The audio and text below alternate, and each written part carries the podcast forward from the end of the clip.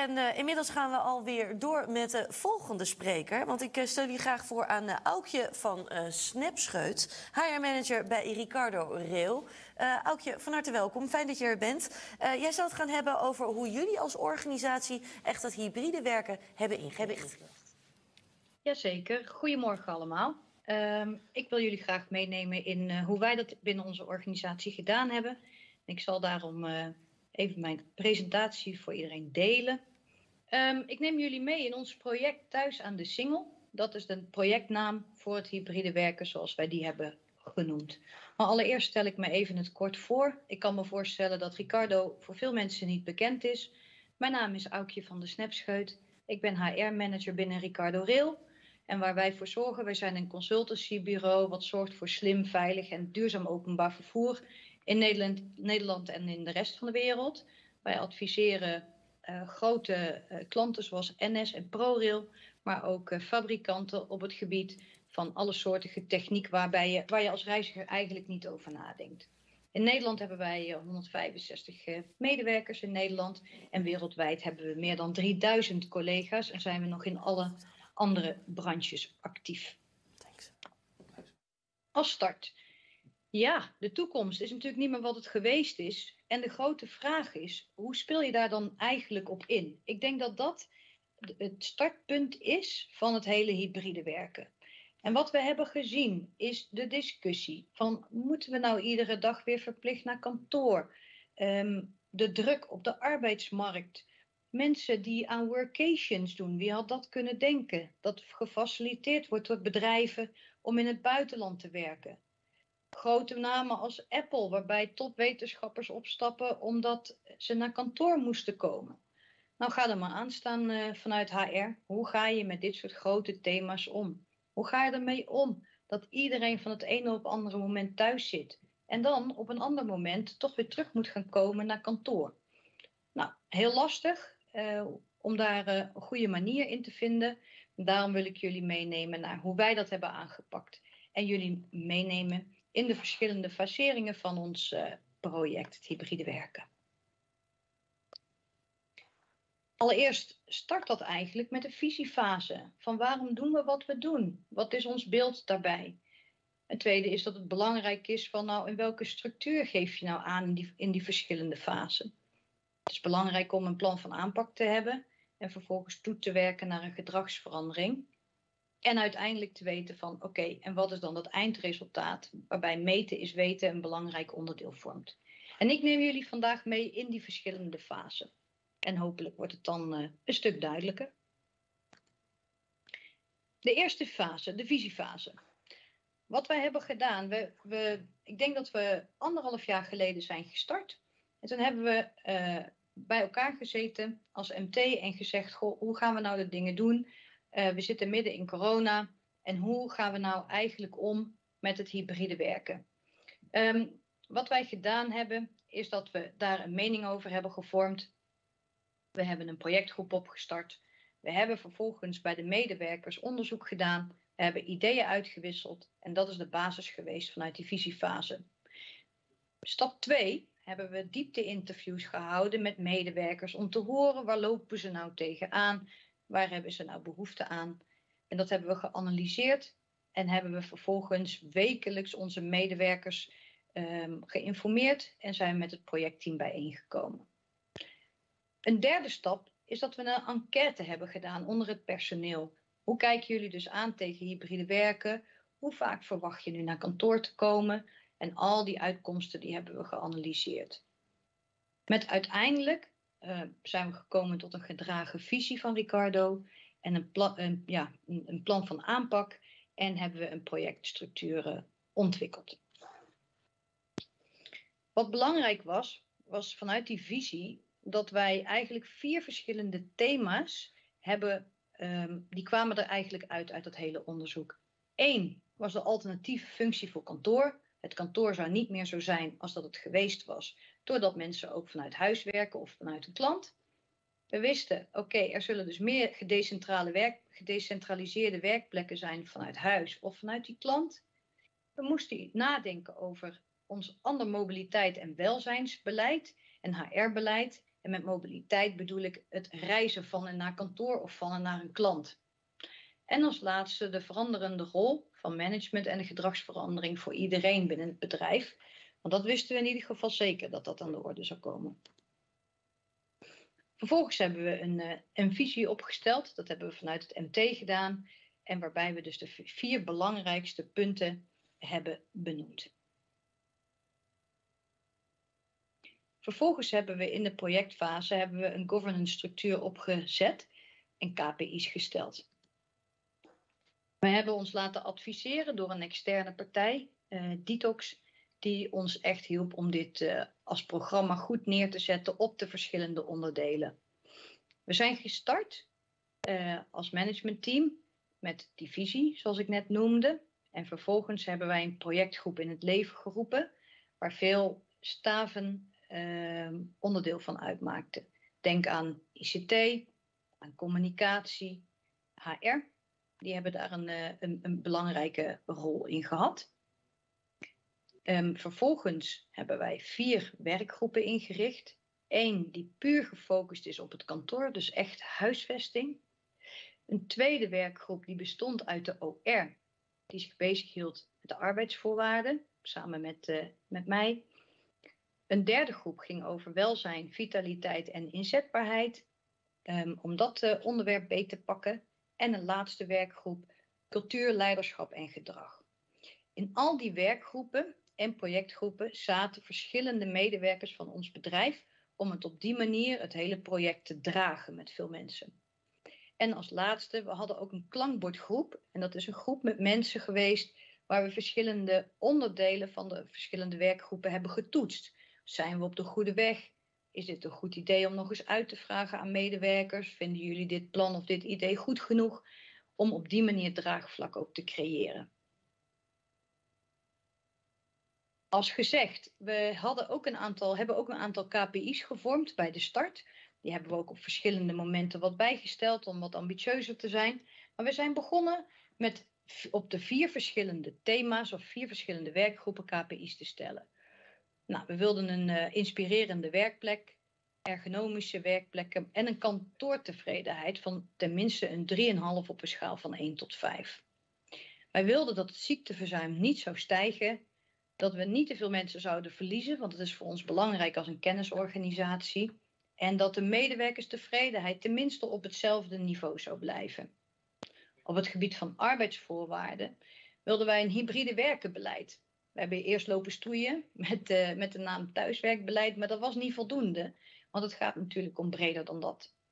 We hebben het gehad over een thuiswerkvergoeding. Hoe richt je dan een thuiswerkplek in? En het mobiliteitsbeleid, dat is het vervoer um, van en naar kantoor of van en naar een klant. En als laatste in de cultuurgedrag en, en leiderschap werkgroep was het belangrijk om met elkaar te praten over zogeheten rituelen. We vonden het zelf um, niet zo'n uh, lekker woord, rituelen, dus we hebben er uiteindelijk leidende principes van gemaakt. En dat wil zeggen, welke gedragingen spreken we nou met elkaar af en welk uitgangspunt nemen we nou in onze manier van werken, in, in dat hybride werkenlandschap. We vonden het daarnaast belangrijk om de dialoog te stimuleren en te faciliteren voor medewerkers, want we wisten al heel snel van ja, dit moeten we niet van bovenaf verzinnen, dit doen we met elkaar. We moeten weten wat speelt er bij de mensen en wat zijn hun ideeën. En we wisten, dit is een gedragsverandering voor iedereen en dat zal ook nog niet zomaar ten einde zijn. Hier zijn we nog wel een hele tijd mee bezig. Vervolgens zijn we gekomen tot een plan van aanpak en wat we als eerste hebben gedaan, is in kaart gebracht hoe ervaart nou de medewerker een dag naar kantoor. We hebben alle onderdelen vanaf het moment dat de medewerker zijn dag start, um, tot aan dat hij weer vertrekt, helemaal in kaart gebracht. En dit is dan voor een dag op kantoor, maar zo hebben we dat ook gedaan voor een dag thuis. En welke onderdelen zijn dan van belang, zodat we de verschillende onderdelen konden gaan herverdelen in de verschillende werkgroepen. Dus het, soms gaan dingen over de huisvesting. Als je bijvoorbeeld zegt dat mensen op de fiets moeten komen en moeten kunnen douchen. Ja, dan moet je wel zorgen dat er een, eh, een douche- en kleedruimte is, als voorbeeld. Um, nou, en zo hebben we alles in kaart gebracht om vervolgens tot een totaalplan van aanpak te komen. Wat dan uiteindelijk leidt tot een gedragsverandering. Zoals gezegd, we zijn dus begonnen met die visie. Vervolgens hebben we onszelf afgevraagd hoe. Um, daar, daar, hebben we dus uh, uh, onder andere uh, die medewerker experience, zoals ik net heb uitgelegd, benoemd.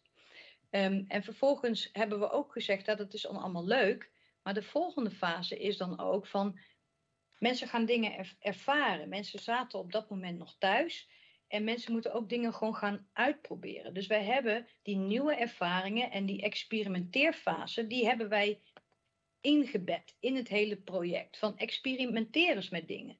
Als wij dingen verzinnen, ga het dus uitproberen. Hoe is dat nou? Als we hybride gaan vergaderen of als we elkaar um, wel gaan ontmoeten op kantoor. Spreek eens af met collega's. Hoe voelt dat dan? Uh, voelt dat comfortabel vanuit corona?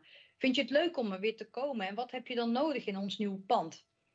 Nou, daarnaast is het belangrijk dat je als managementteam en als leidinggevende het goede voorbeeld geeft. En ook dat heeft te maken met experimenteren en vooral in contact te blijven met elkaar.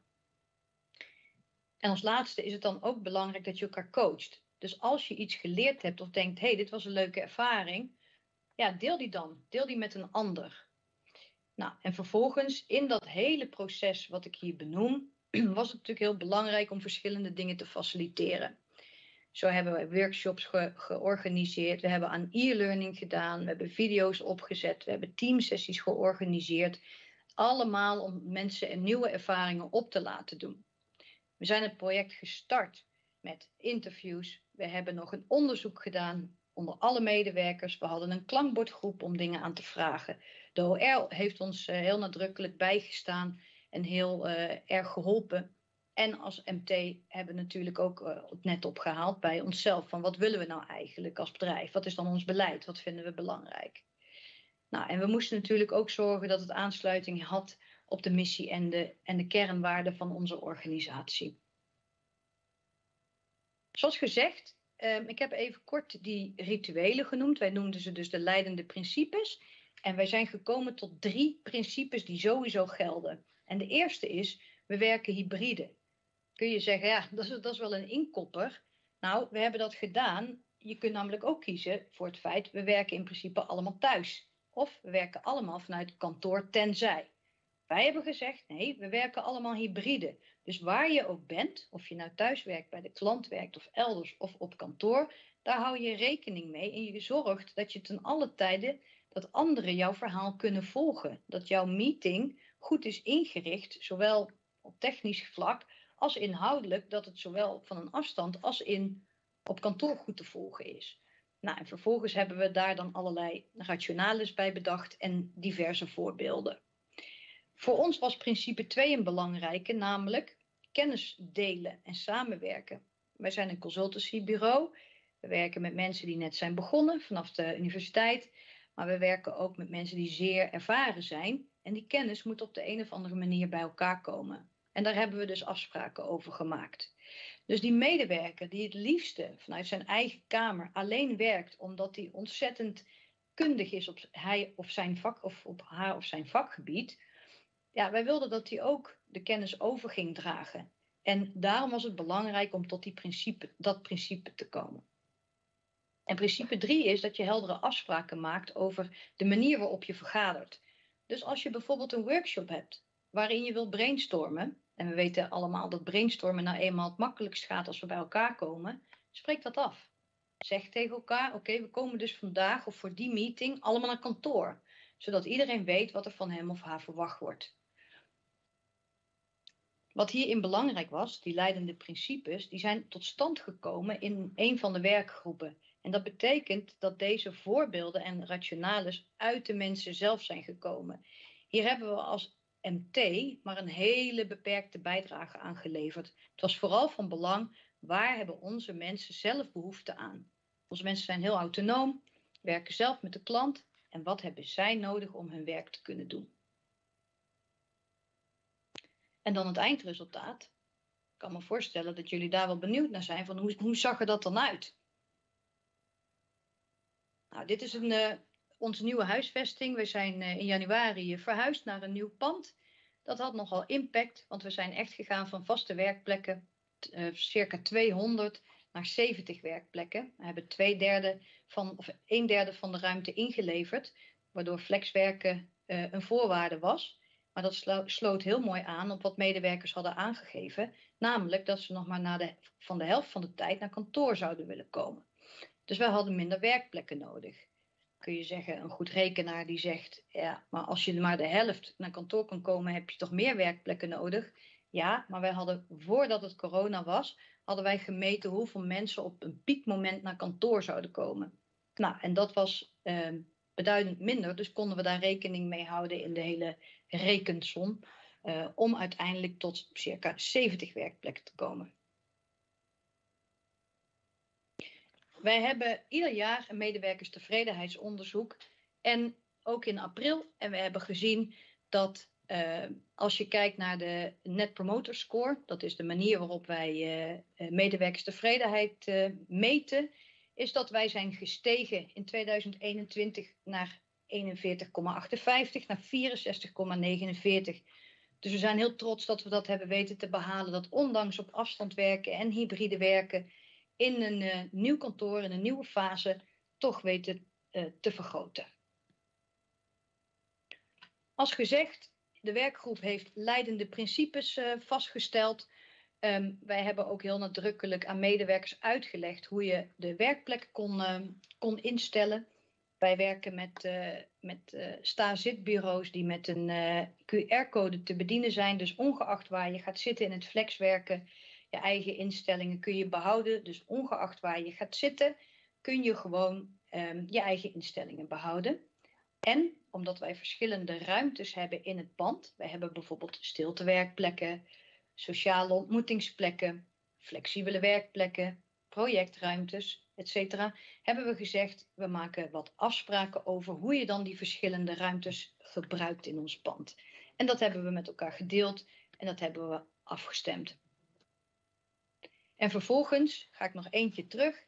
Hebben we het over de arbeidsvoorwaarden met de OR, hebben we gesproken. En zijn we gekomen tot hybride werkenbeleid, hebben we een thuiswerkvergoeding geïntroduceerd. En hebben we medewerkers de mogelijkheid gegeven om met die thuiswerkvergoeding je eigen werkplek thuis goed in te kunnen richten met een externe partij, eh, die dan meubilair of accessoires eh, faciliteert. En een deel daarvan wordt ook vanuit onszelf gewoon gefaciliteerd en denk daarbij aan extra beeldschermen, een bureaustoel, dat soort zaken. Nou, ik loop even een klein beetje vooruit op de presentatie. Wat denk ik heel belangrijk was, was de interne communicatie omdat die gaat over hoe betrek je nou de medewerker in dit verhaal? Hoe blijft deze op de hoogte van een afstand uh, en op kantoor? We hebben heel veel nieuwsbrieven verzonden. Wij uh, hebben intranet ingericht, zodat iedereen alle informatie en alle stappen kon volgen die we in de projectgroep en de werkgroepen deden. Wij uh, hebben aan narrowcasting doen wij. Dat wil zeggen dat wij tv-schermen hebben hangen waar continu updates staan over hoe wij met zaken omgaan binnen dit project, als ook andere werkgerelateerde dingen. Wij hebben een sessies georganiseerd voor medewerkers, een informatiemarkt waar mensen zelf hun input konden leveren. We hebben hybride presentaties verzorgd en we hebben Mentimeter sessies gedaan. Mentimeter is een programma om te meten hoe, hoe mensen aankijken tegen de verschillende thema's. Kortom, we hebben onze medewerkers zo goed als mogelijk uh, betrokken bij alles wat we hebben gedaan. En dat was ook wel nodig. En veel medewerkers gaven ook aan. Eigenlijk weet ik nog beter wat er speelt van een afstand dan toen ik altijd op kantoor was. Want nu kan ik alles teruglezen en nu kan ik alles vinden. Dus voor ons heeft die interne communicatie beter uitgepakt dan voor die tijd eigenlijk. Nou, tot slot. Um, ja, de toekomst is, zoals die, is niet meer zoals die geweest is. Het is een enorme cultuuromslag wij zijn een uh, organisatie waarbij medewerkers gewend zijn autonoom te werken. En aan de andere kant, uh, dat lijkt dan makkelijker als iedereen vanuit huis zou kunnen werken. Maar hoe kun je nou autonomie en samenwerking stimuleren? Nou, dat is echt een enorme cultuuromslag, uh, is dat. En we hebben een grote stap gemaakt. We zijn er nog lang niet. We gaan ook gewoon door. Um, maar ik denk dat het belangrijk is om te realiseren dat daar gewoon tijd voor nodig is. En ehm, ja, dat het iets is waar je je gewoon bewust van moet zijn dat je dat niet van vandaag op morgen um, gerealiseerd hebt. Dat is mijn verhaal. Dankjewel. Een, uh, een mooi uh, voorbeeld eigenlijk ook. En het sluit ook heel erg mooi aan bij uh, de voorgaande sprekers wat dat betreft. dankjewel voor het delen van, van nou ja, eigenlijk jullie hele organisatie... en hoe jullie dit plan hebben uitgerold.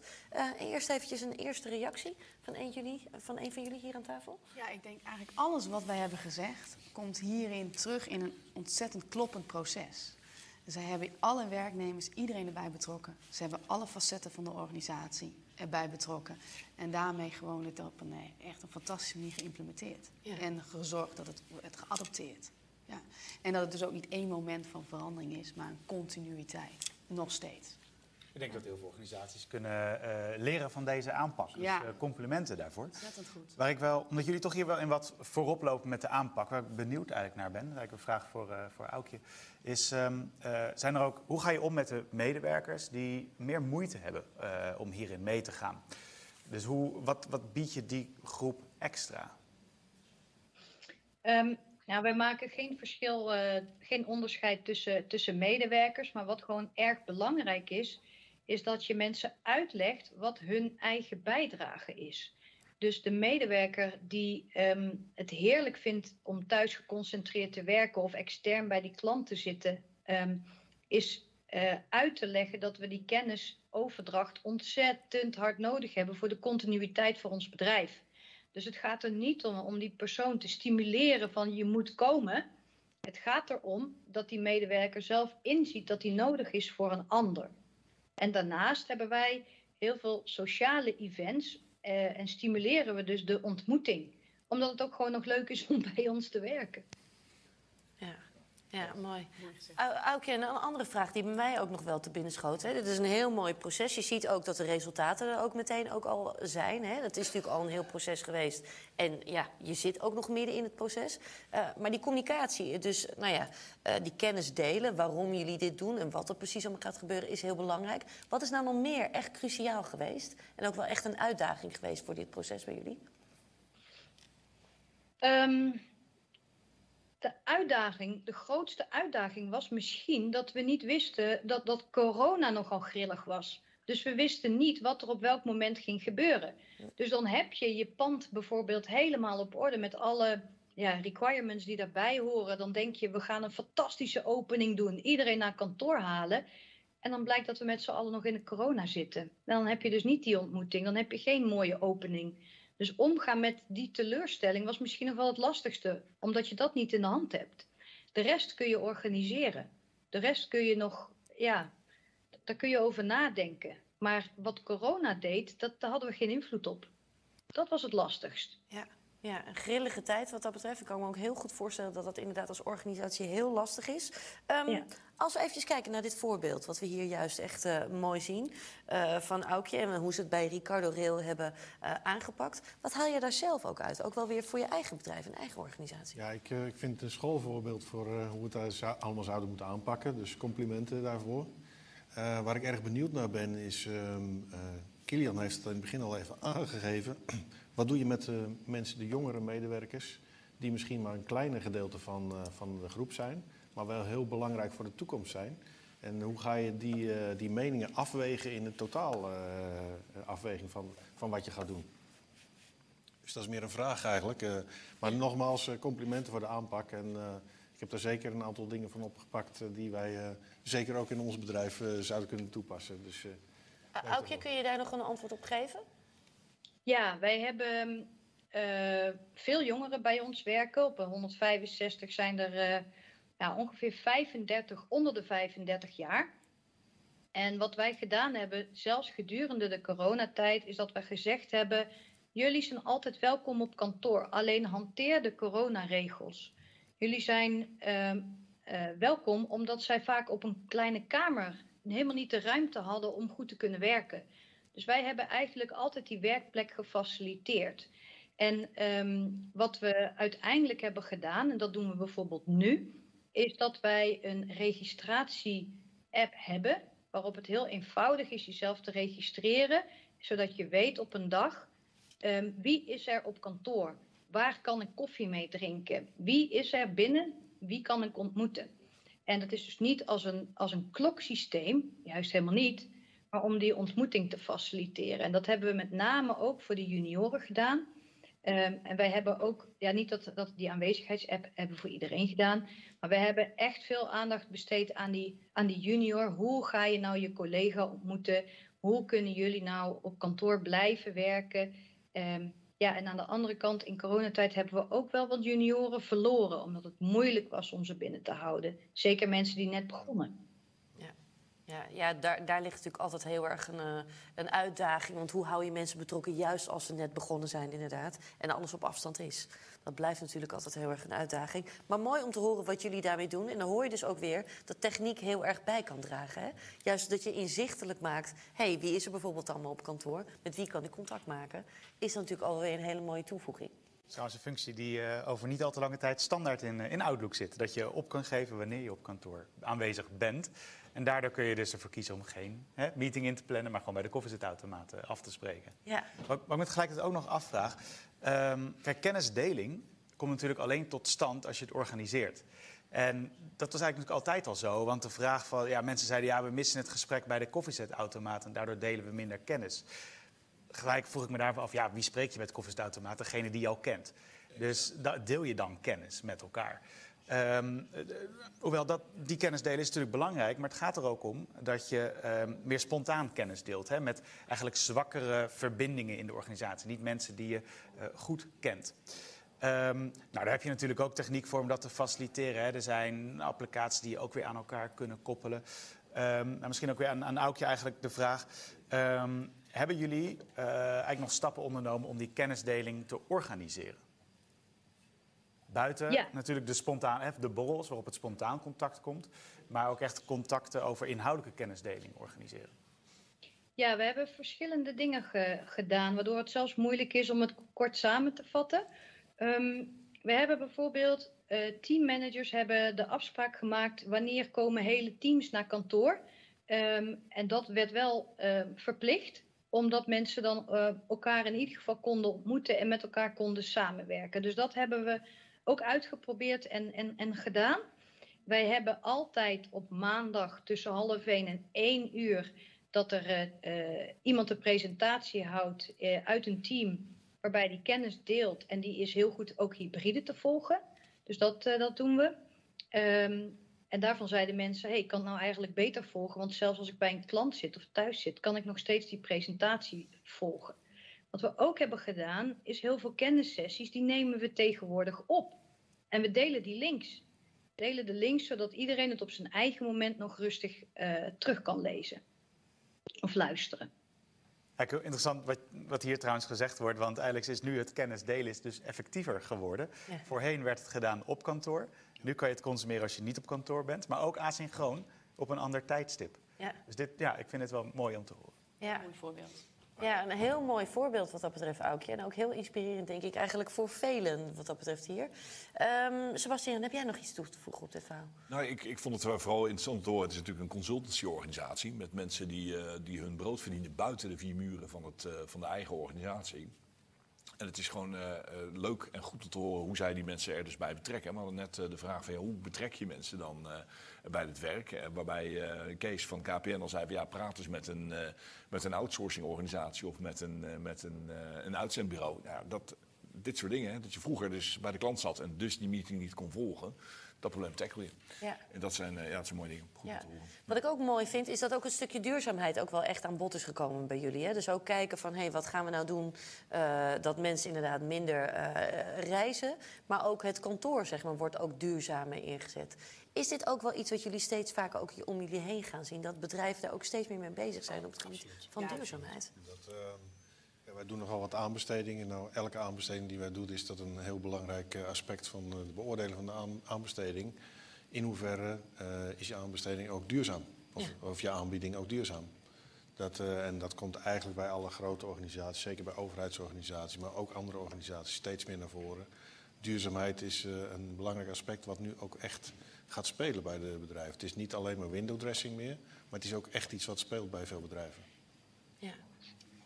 Ja. Een paar voorbeelden bij mij. Bijvoorbeeld binnen Microsoft zijn de, de ticketprijzen 30% duurder geworden. Omdat uh, uh, eigenlijk de, ja, de CO2-uitstoot, dat wordt dan gecompenseerd. De reisbudgetten zijn gelijk gebleven. Dus er wordt, je kan minder reizen. Uh, dus er wordt gedwongen om selectiever te kijken. Maar misschien is dat dan niet eens nodig, want hè, personen zelf kijken al veel selectiever of ze gaan reizen of niet. Enerzijds door de milieubelasting, anderzijds ook door de tijdsbelasting, want je bent natuurlijk van huis, van je gezin weg. Klopt. Dus is dat het waard? Dus waar vroeger dat ook weer een gewoonte was, uh, kijken we nu heel erg van: oké, kan ik dit uh, op afstand doen? Of is het de moeite waard om juist in het vliegtuig te stappen? dus ja, daar, ook daar vindt een bewustere keuze plaats. Juist, en ik denk dat dat ook eigenlijk een heel belangrijk onderdeel is, juist ook in deze tijd. Je ziet het, het is echt wel een nieuwe balans vinden in dat hybride werken, waar al die verschillende componenten en elementen aan bod komen. Uh, Aukje, ik wil jou enorm bedanken voor het delen van je verhaal. Knetten inspirerend, waar denk ik heel veel bedrijven en organisaties echt uh, nou ja, heel veel van kunnen leren. Dank je wel daarvoor.